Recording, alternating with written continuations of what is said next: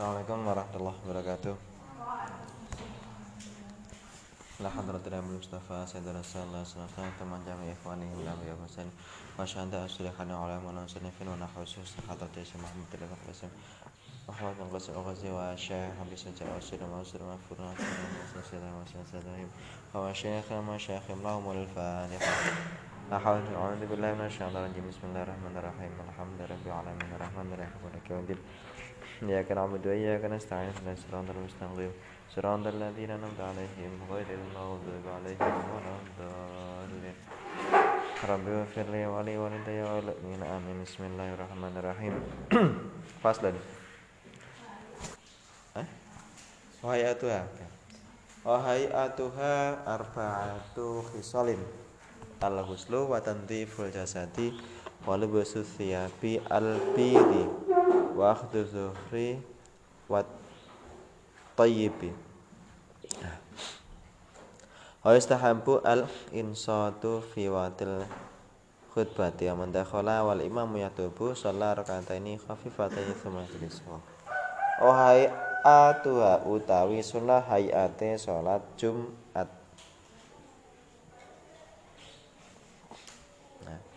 Iku arba'u hisalin ana papat pira-pira perkara.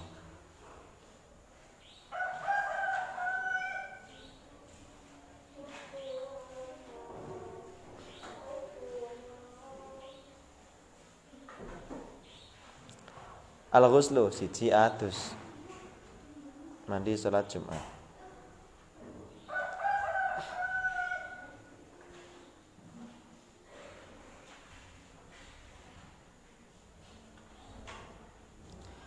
Watan full jasadi lan ngresiki awak.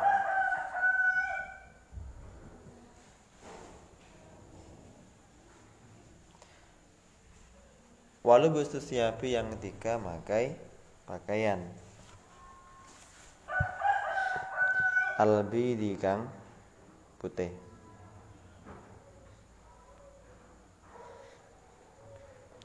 Yang keempat wa ahzu zufri lan ngetok kuku.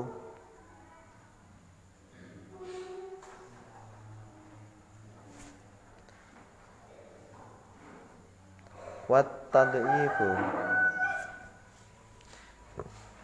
lan nganggo wangin-wangin.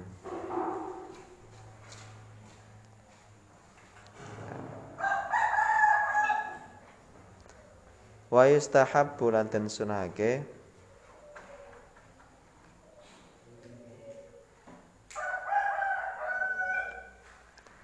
apa insatu memperhatikan. Ya cara biyen ane wal insatu lan nengklengake. Nengkleng teng an situ wasma'u wa ati'u rahimakallah.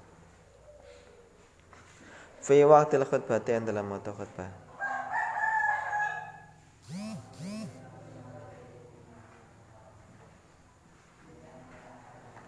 Waman utai sapa wonge dakhala mlebu sapa man? Maksudnya masuki masuk masjid ya. Wal imam wa utai imam? Iku yaktubu lagi khutbah sapa imam.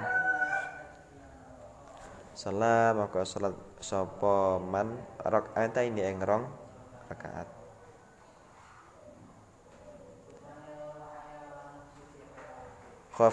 ini kang tipis maksudnya ringkas ya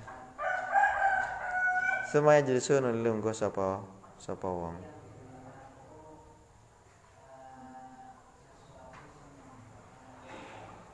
Oke. Hayat sholat Jumat. Hayat itu apa? Ya, kesunahan. Ya. Kan sunnah ada sunnah abad, sunnah hay hayat. Nah, sunnah hayat itu kalau sunnah apa itu sunnah yang kalau ketinggalan bisa diganti dengan sujud sahwi tapi kalau sunnah hayat sunnah yang ketinggalan nggak perlu diganti dengan sujud sahwi ya. prinsipnya seperti itu nah dalam konteks salat jumat ini yang dimaksud hadisnya adalah sunat yang dilakukan sebelum menunaikan sholat jumat ya sunnah kesunahan yang dilakukan sebelum menunaikan sholat Jumat. Apa saja? Ada banyak. Ada empat ya di sini ya.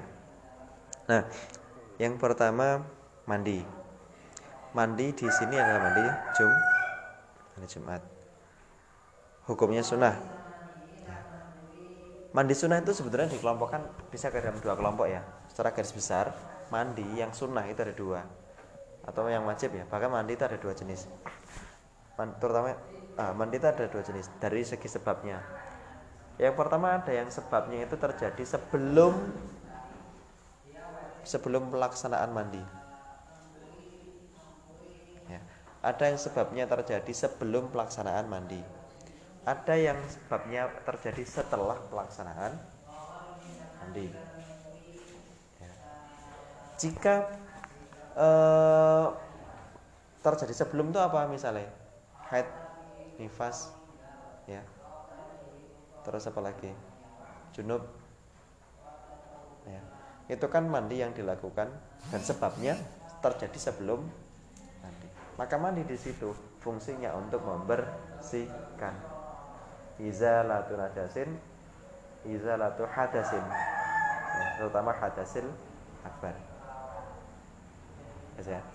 Tapi kalau uh, kesun ah, mandi yang sebabnya terjadi setelah mandi, ya jadi mandi dulu terus ada sebabnya turun, terus sebabnya ada, berarti mandi idis itu digunakan untuk menyongsong. Contohnya apa? Mandi sholat Jumat, mandi sholat id. Ya. Ini. Maka mandi di sini adalah bertujuan untuk menyongsong mandi ketika malam hari raya misalnya mandi mau sholat istisqa misalkan nah berarti ini adalah mandi yang dilakukan untuk menyongsong suatu peristiwa tertentu nah kebanyakan mandi yang terjadi sebabnya itu setelah mandi itu mayoritas itu adalah mandi yang hukumnya sun sunnah ya ini termasuk mandi sholat jumat nah kalau mandi yang sebabnya terjadi setelah mandi. Nah, maka waktu mandi itu disesuaikan dengan sebabnya. Ya, disesuaikan dengan sebabnya, disesuaikan dengan waktu se sebab. Misalnya begini. Mandi dalam rangka sholat Jumat. Maka waktu mandi sholat Jumatnya kapan? sebelum sholat Jumat. Ya dimaksud sebelum itu kapan? Nah tergantung. sholat Jumat itu diselenggarakan jam berapa biasanya? Jam 12. Lazimnya orang mandi, ya, dan kondisi fisik nggak kotor lagi, itu kapan orang mandi? Sebelum sholat Jumat atau paling panjang? Itu setelah sholat subuh ya kan? Saat subuh sampai menjelang siang. Ini waktunya situ ya. Kemudian kalau mandi dalam rangka sholat id saat ini jam berapa jam 7 terus mandinya mulai kapan ayo nah maka mandinya bisa diselenggarakan subuh kan paling lambat kapan? Paling jauh rentang waktunya kapan? Sore. Sore turu kan? Wah, wis kupak apa-apa kan turu. turu wis ngiler lah sing apa lah. Ya. Gitu kan. Kapan? Ya tengah malam. Gitu ya, tengah malam kamu bangun gitu kan terus mandi, kemudian tahajud sampai menjelang subuh, kemudian bersubuh ikut sholat gitu. Waktunya disesuaikan dengan waktu sebab jika sebabnya terjadi setelah setelah mandi ini ya wa tanziful jasadi lan membersihkan jasad membersihkan jasad tuh gimana tuh maksudnya ya membersihkan jasad dari berbagai kotoran aroma dan segala macamnya yang mengganggu ya misalnya tangannya gupak apa no kan? Kakinya gupak apa no kan? Bersih bersih itu kan. Itu hukumnya sunnah Walau betul siap albit menggunakan pakaian yang berwarna putih. Pakai pakaian putih hukumnya disunahkan. Kenapa? Karena baju putih itu baju yang mudah. Mudah dalam hal apa? Mudah didapatkan, ya kan? Kemudian mudah membersihkan, mudah kelihatan bersih. Gitu. Mudah kelihatan kotor juga. Jadi kalau dia kena kotoran, kita bisa langsung ngerti oh di sini ada kotorannya. Dan Nabi pun juga suka menggunakan baju putih. Maka dianjurkan untuk menggunakan baju putih. Waktu free dan memotong kuku. nah, memotong kuku itu kapan waktunya? Waktunya bisa sebelum berangkat sholat Jum, Jumat atau hari Kamis sorenya. Ya. Ini. Nah, motong kuku ini disunahkan tidak hanya bagi yang mau berangkat sholat Jumat, tapi juga bagi yang di rumah. Ibu-ibu, mbak-mbak yang enggak sholat Jumat misalnya juga disunahkan untuk memotong kuku pada hari Jumat atau pada Kamis sore. Cara motong kukunya bagaimana? Ada beberapa versi ya. Ini versi yang yang apa namanya? Lebih banyak digunakan itu begini. Ini ini apa namanya? Kalau tangan tangan ya, dimulai dari mana dulu? Kanan atau kiri? Kanan. Bagian yang jari yang mana dulu? Ya. Terunjuk terus ya Jempol. Bukan. Apa nah? Jari tengah. Penunggul ya. Ini namanya jari. Ini penunggul namanya. Nah, kalau ini jari Kalau ini ini skip kelingking. Ini Nah, ini kalau orang orang Jawa nyebutnya penunggul. Jadi dimulai dari sini. Jari eh, telunjuk, penunggul, jari manis, kemudian kelingking terus langsung ta tangan kiri lompat ke sini langsung tangan kiri di telunjuk kemudian lompat ke penunggul jari manis kemudian kelingking baru kemudian jempol tangan kanan dan terakhir jempol tangan kiri ya cara memotong eh, jari-jari uh, tangan. Kalau kaki? Kalau jari-jari kaki dimulai dari kelingking bagian kanan, lurus terus sampai kelingking bagian kiri.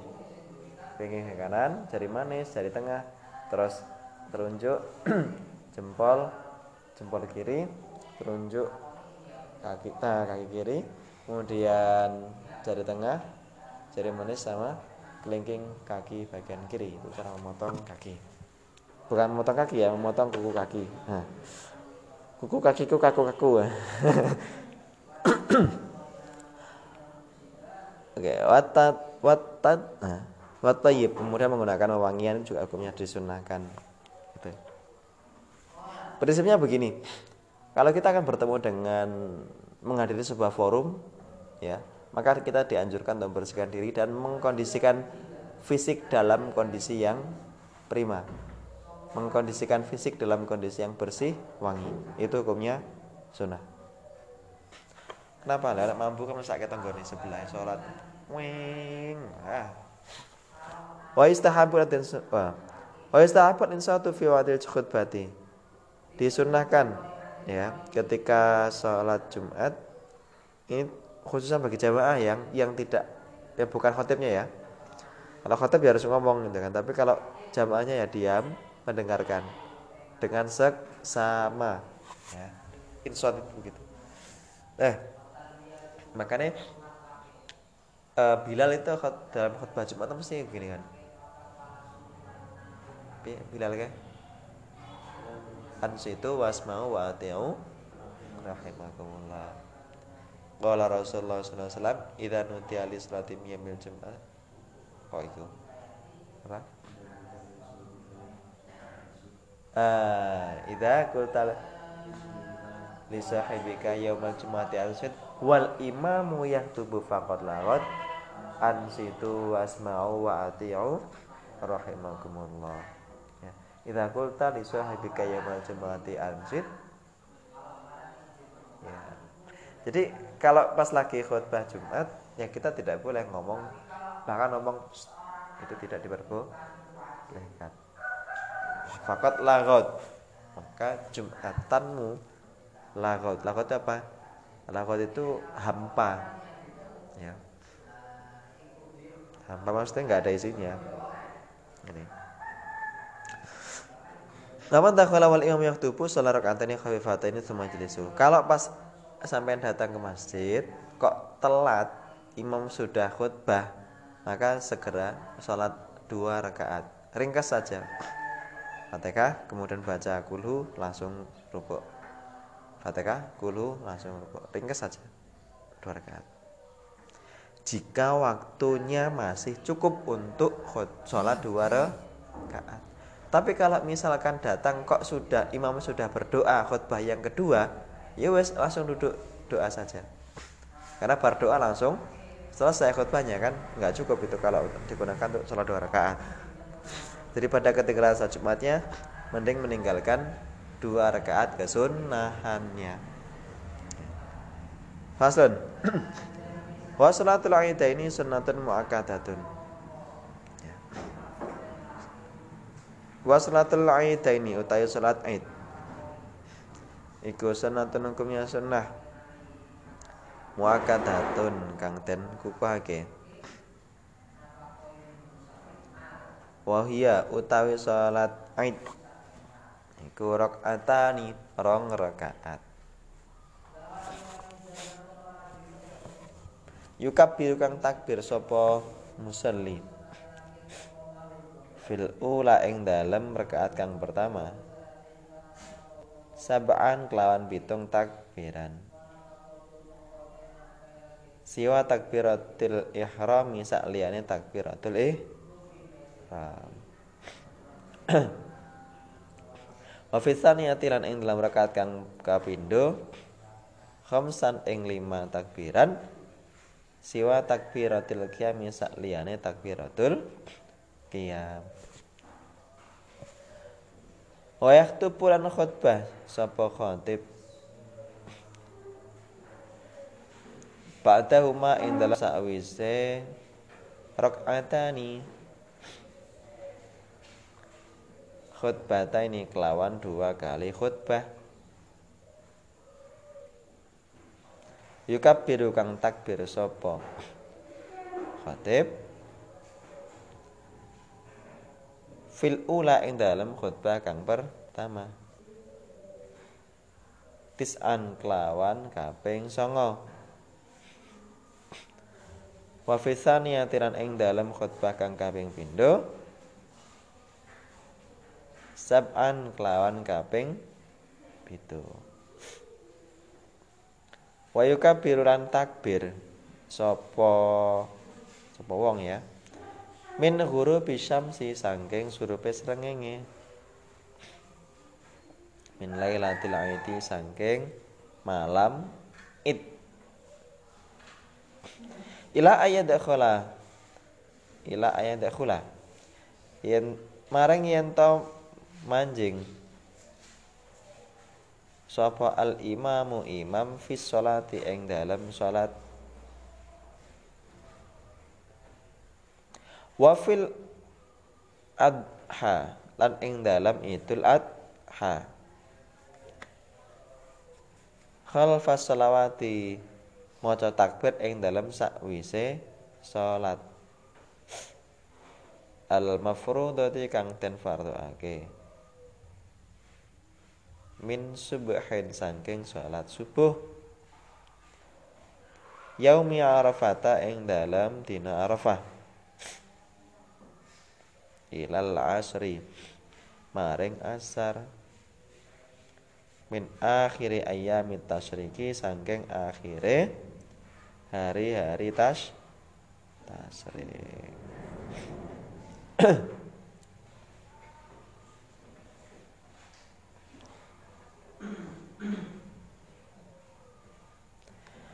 Oke, ini membahas tentang sholat id. Sholat id hukumnya sunnah. Idul id adha ataupun idul fitri. Ya. Nah terus terus gimana tuh pak? Ada loh pak orang yang sholat nya itu sholat id saja sholat liane rak tahu sholatnya sing wajib ora tau mangkat tapi nak sholat id kebak masjidnya piye nih pak ya kalau pakai fikih dakwah ya gak apa-apa sebelum suatu sampai gitu kan kari nambahi sing kurang apa hukumnya sunnah muakkad ya. Wahya nih salat id itu dua rakaat. Ya dalam takbir yang pertama ada tujuh kali takbir. Selain takbir takbiratul eh kemudian rakaat yang kedua lima selain takbiratul qiyam.